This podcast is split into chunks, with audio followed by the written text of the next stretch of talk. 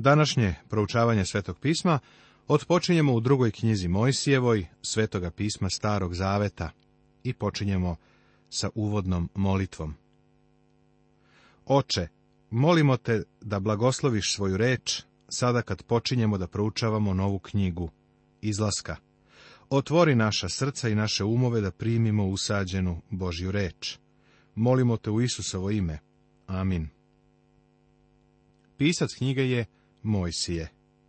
A glavna poruka, izlazak, odnosno druga knjiga Mojsijeva, svetog pisma Starog Zaveta, nastavlja izveštaj koji je započet u knjizi postanja, odnosno u prvoj knjizi Mojsijevoj, iako postoji razmak od tri veka. Postanje u 15. poglavlju kaže da će seme Avramovo provesti 400 godina u Egiptu.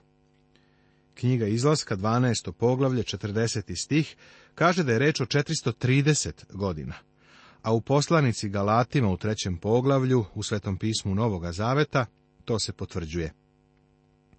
430 godina je prošlo od Avramovog poziva, a 400 godina od vremena kada je Bog to rekao Avramu.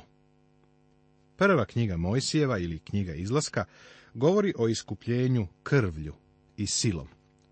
Poruka izlaska je navedena u poslanici Jevrejima u 11. poglavlju od 23. do 29. stiha, gde piše Verom su Mojsija, kad se rodio, njegovi roditelji krili tri meseca, zato što su vidjeli da je dete lepo, a nisu se pobojali kraljeve naredbe.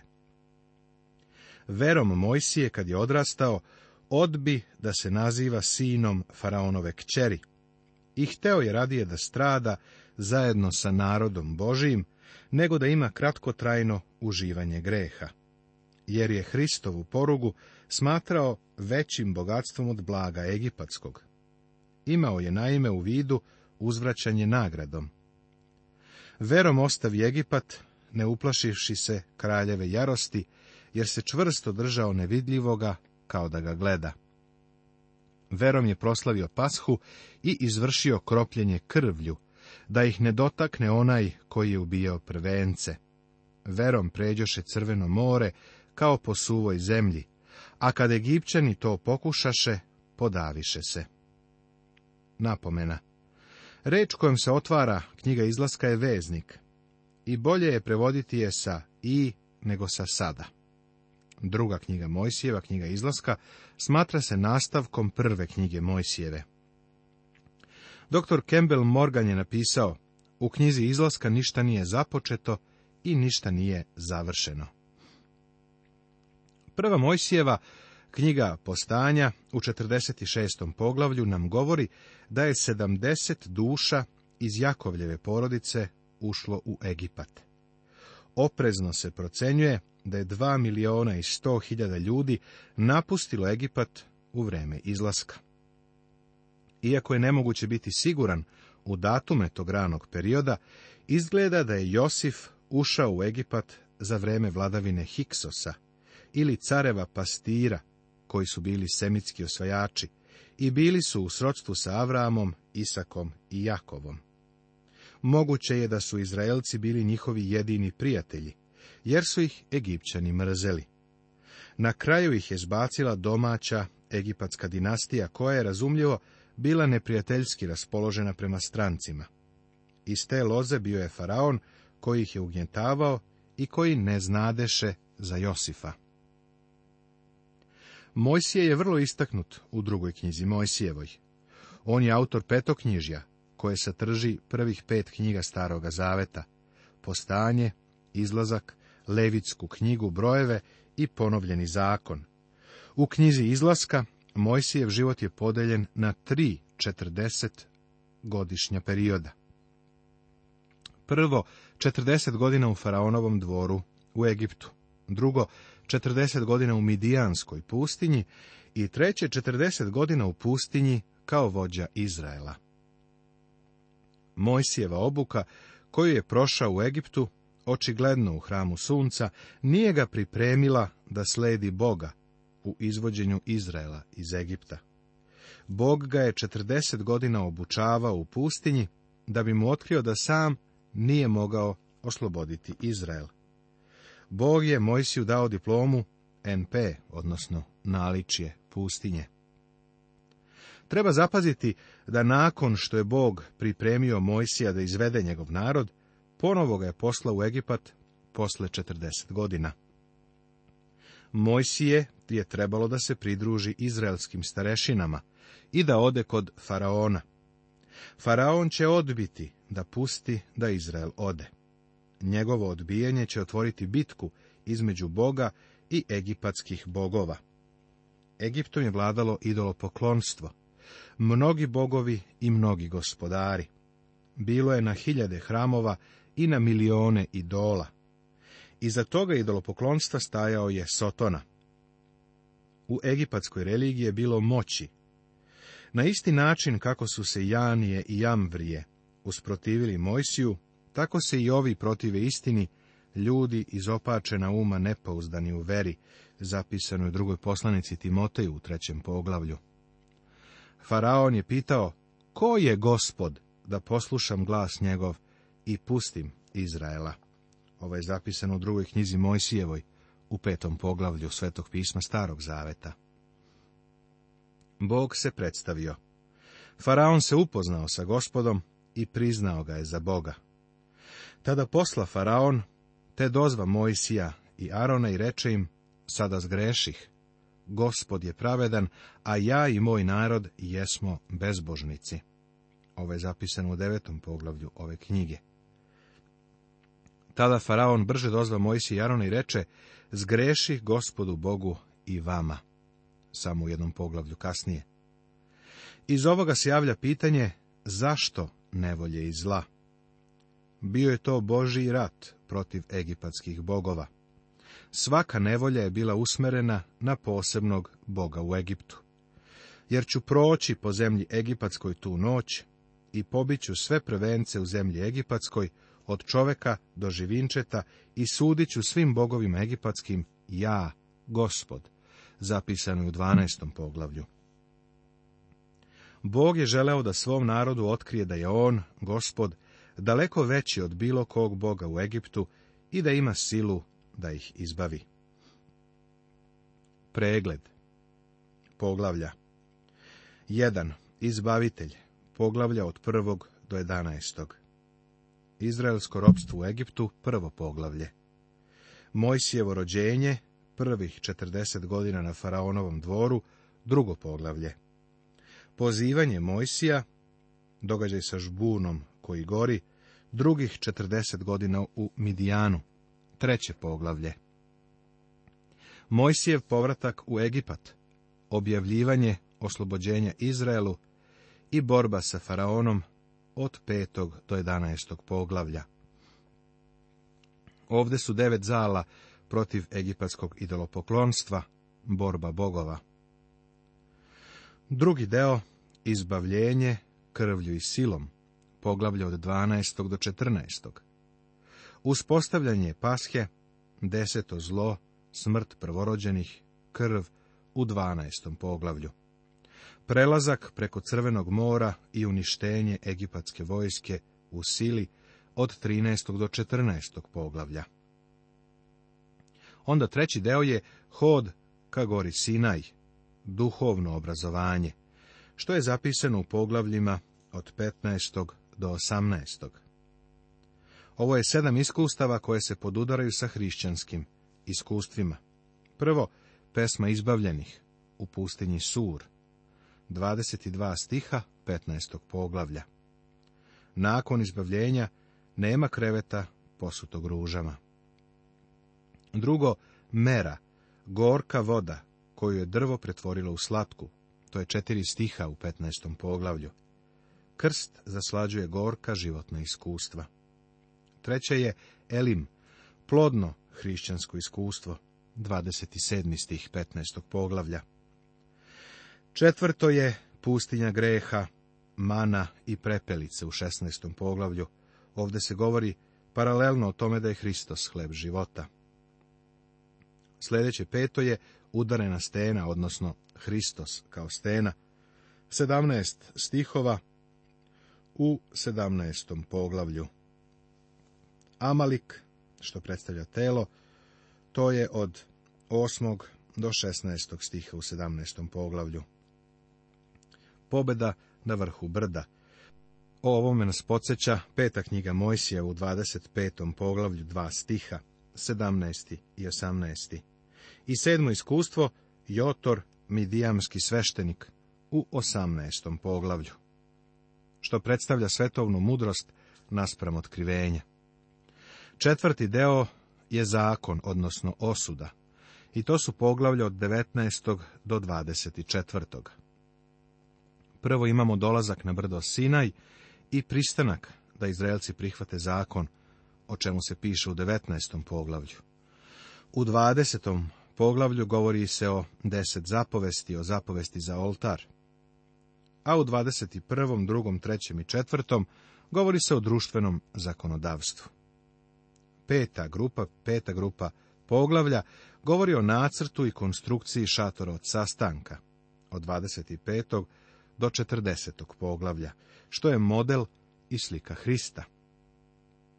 Prvo daje se nacrt za šator od sastanka, model za odeću prvosveštenika, od 25. do 30. poglavlja. Onda se priča o radnicima na šatoru od sastanka i o šabatu kao znaku Izraela u 31. poglavlju. Zatim se priča o zlatnom teletu, o slomljenim pločama zakona, o Mojsiju koji posreduje za druge ploče zakona od 32. do 35. poglavlja. Onda četvrto, gradnja šatora od sastanka od 36. do 39. poglavlja i konačno šator od sastanka je podignut, ispunjen slavom gospodnjom, 40. poglavlje. Izlazak dakle započinje sumorno, a završava se slavno. Poglavlje prvo tema. Izrael u Egiptu, novi faraon, Izrael u ropstvu i progonu, herojstvo dveju žena. Napomena. Prva dva stiha iz druge knjige Mojsijeve poveži sa zapisom iz prve Mojsijeve. Oni koji su došli u Egipat prvi su nabrojani, a preko godina koje su između protekle brzo se prešlo. Druga knjiga Mojsijeva ili knjiga izlaska od prvog do sedmog stiha nastavlja izveštaj iz postanja. Ključni stih u knjizi izlaska je 20. poglavlje, drugi stih, koji kaže Ja sam, gospod Bog tvoj, koji te je izveo iz zemlje Misirske, iz doma ropskoga. Izrael u Egiptu Ovo su imena sinova Izraeljevih koji dođoše u Misir. Dođoše s Jakovom, svaki sa svojom porodicom. Ruvim, Simeun, Levije i Juda, Isahar, Zavulon i Venjamin, Dan i Neftalim, Gad i Asir. A svega beše ih od bedara Jakovljevih sedamdeset duša s Josifom, koji beše u misiru. A Josif umre i sva braća njegova i sav onaj naraštaj.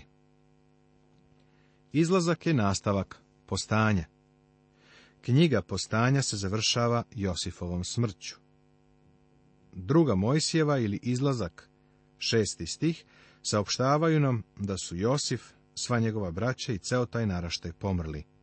Prošla su tri i po veka. Egipatsko ropstvo U postanju u 46. poglavlju Bog je rekao da će Izrael napredovati i umnožavati se, i postati veliki narod u zemlji Egiptu. Kada dođemo do stiha sedmog, vidimo da se ovo proroštvo stvarno ispunilo.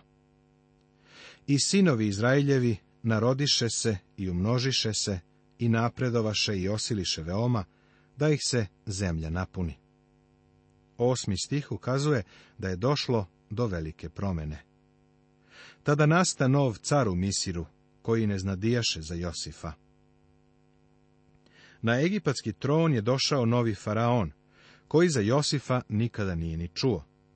Verovatno su Hiksosi, pastiri carevi, koji su bili semitski narodi, zbačeni sa vladavine.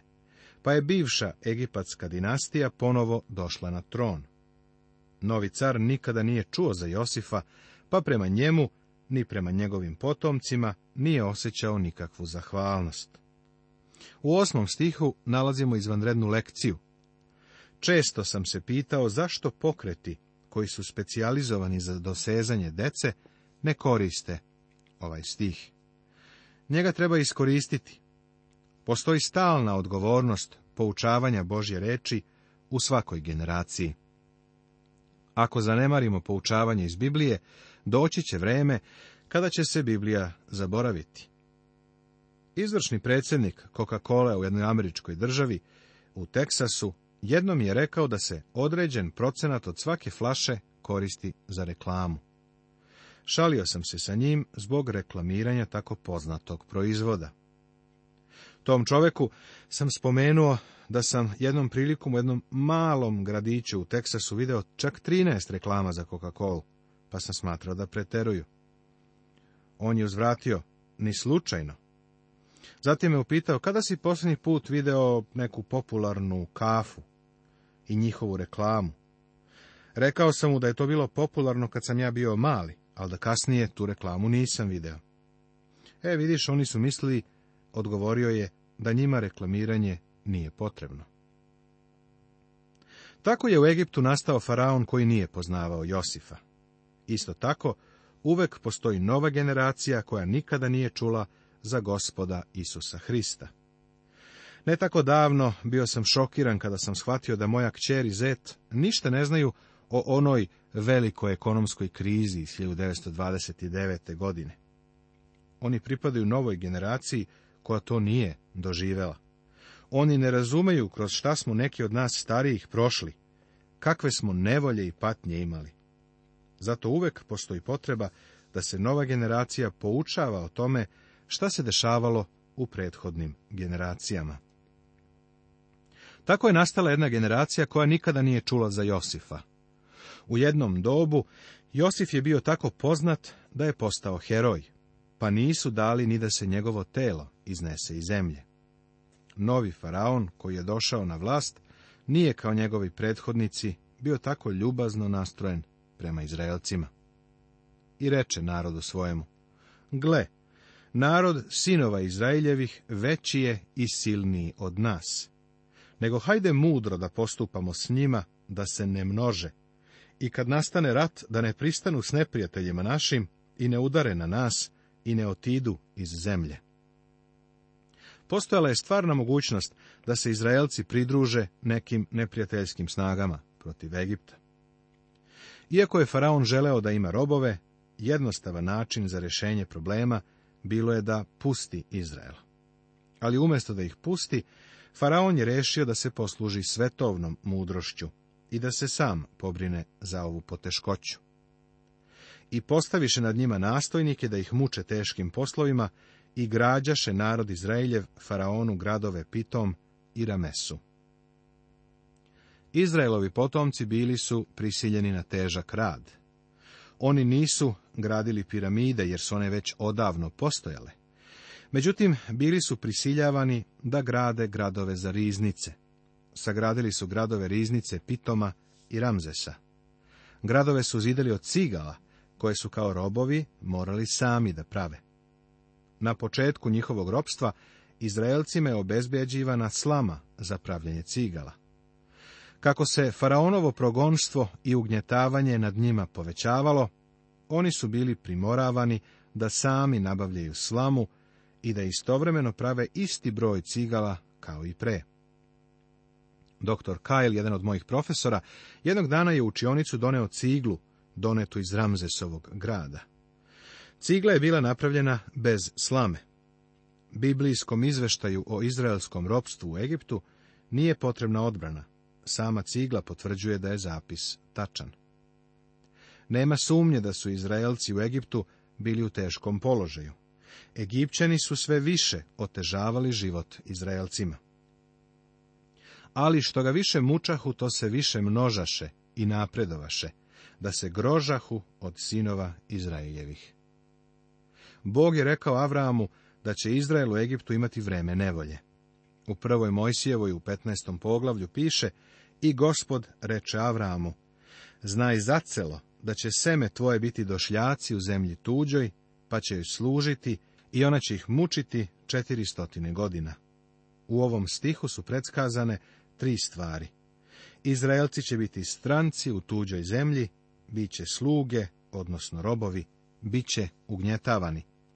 Sva ova tri predskazanja su se ostvarila već u prvih nekoliko stihova prvog poglavlja knjige Islaska. Što su Egipćani više ugnjetavali Izraelce, to su se Izraelci više množili i rasli. Nastavit će se.